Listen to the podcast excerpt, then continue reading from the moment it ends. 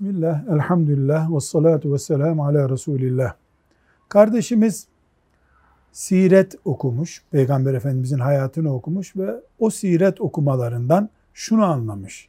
Gülmeyen, mahzun ve gülmemeyi tavsiye eden bir peygamber. Bu bilgi yanlıştır. Peygamber Efendimiz sallallahu aleyhi ve sellemin onlarca hadiste belirtilen gülme sahneleri vardır. Gülmüş, gülmeyi sakıncalı hale getirmemiş. Gülünecek işlere tebessüm ederek cevap vermiş bir peygamberimiz vardır.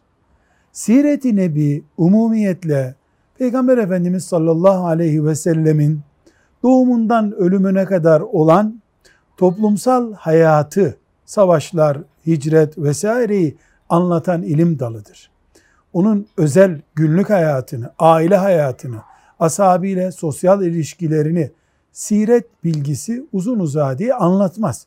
Bu yüzden sadece siret okuyanlar, Peygamber aleyhisselam efendimizin hiç gülmediğini zannederler.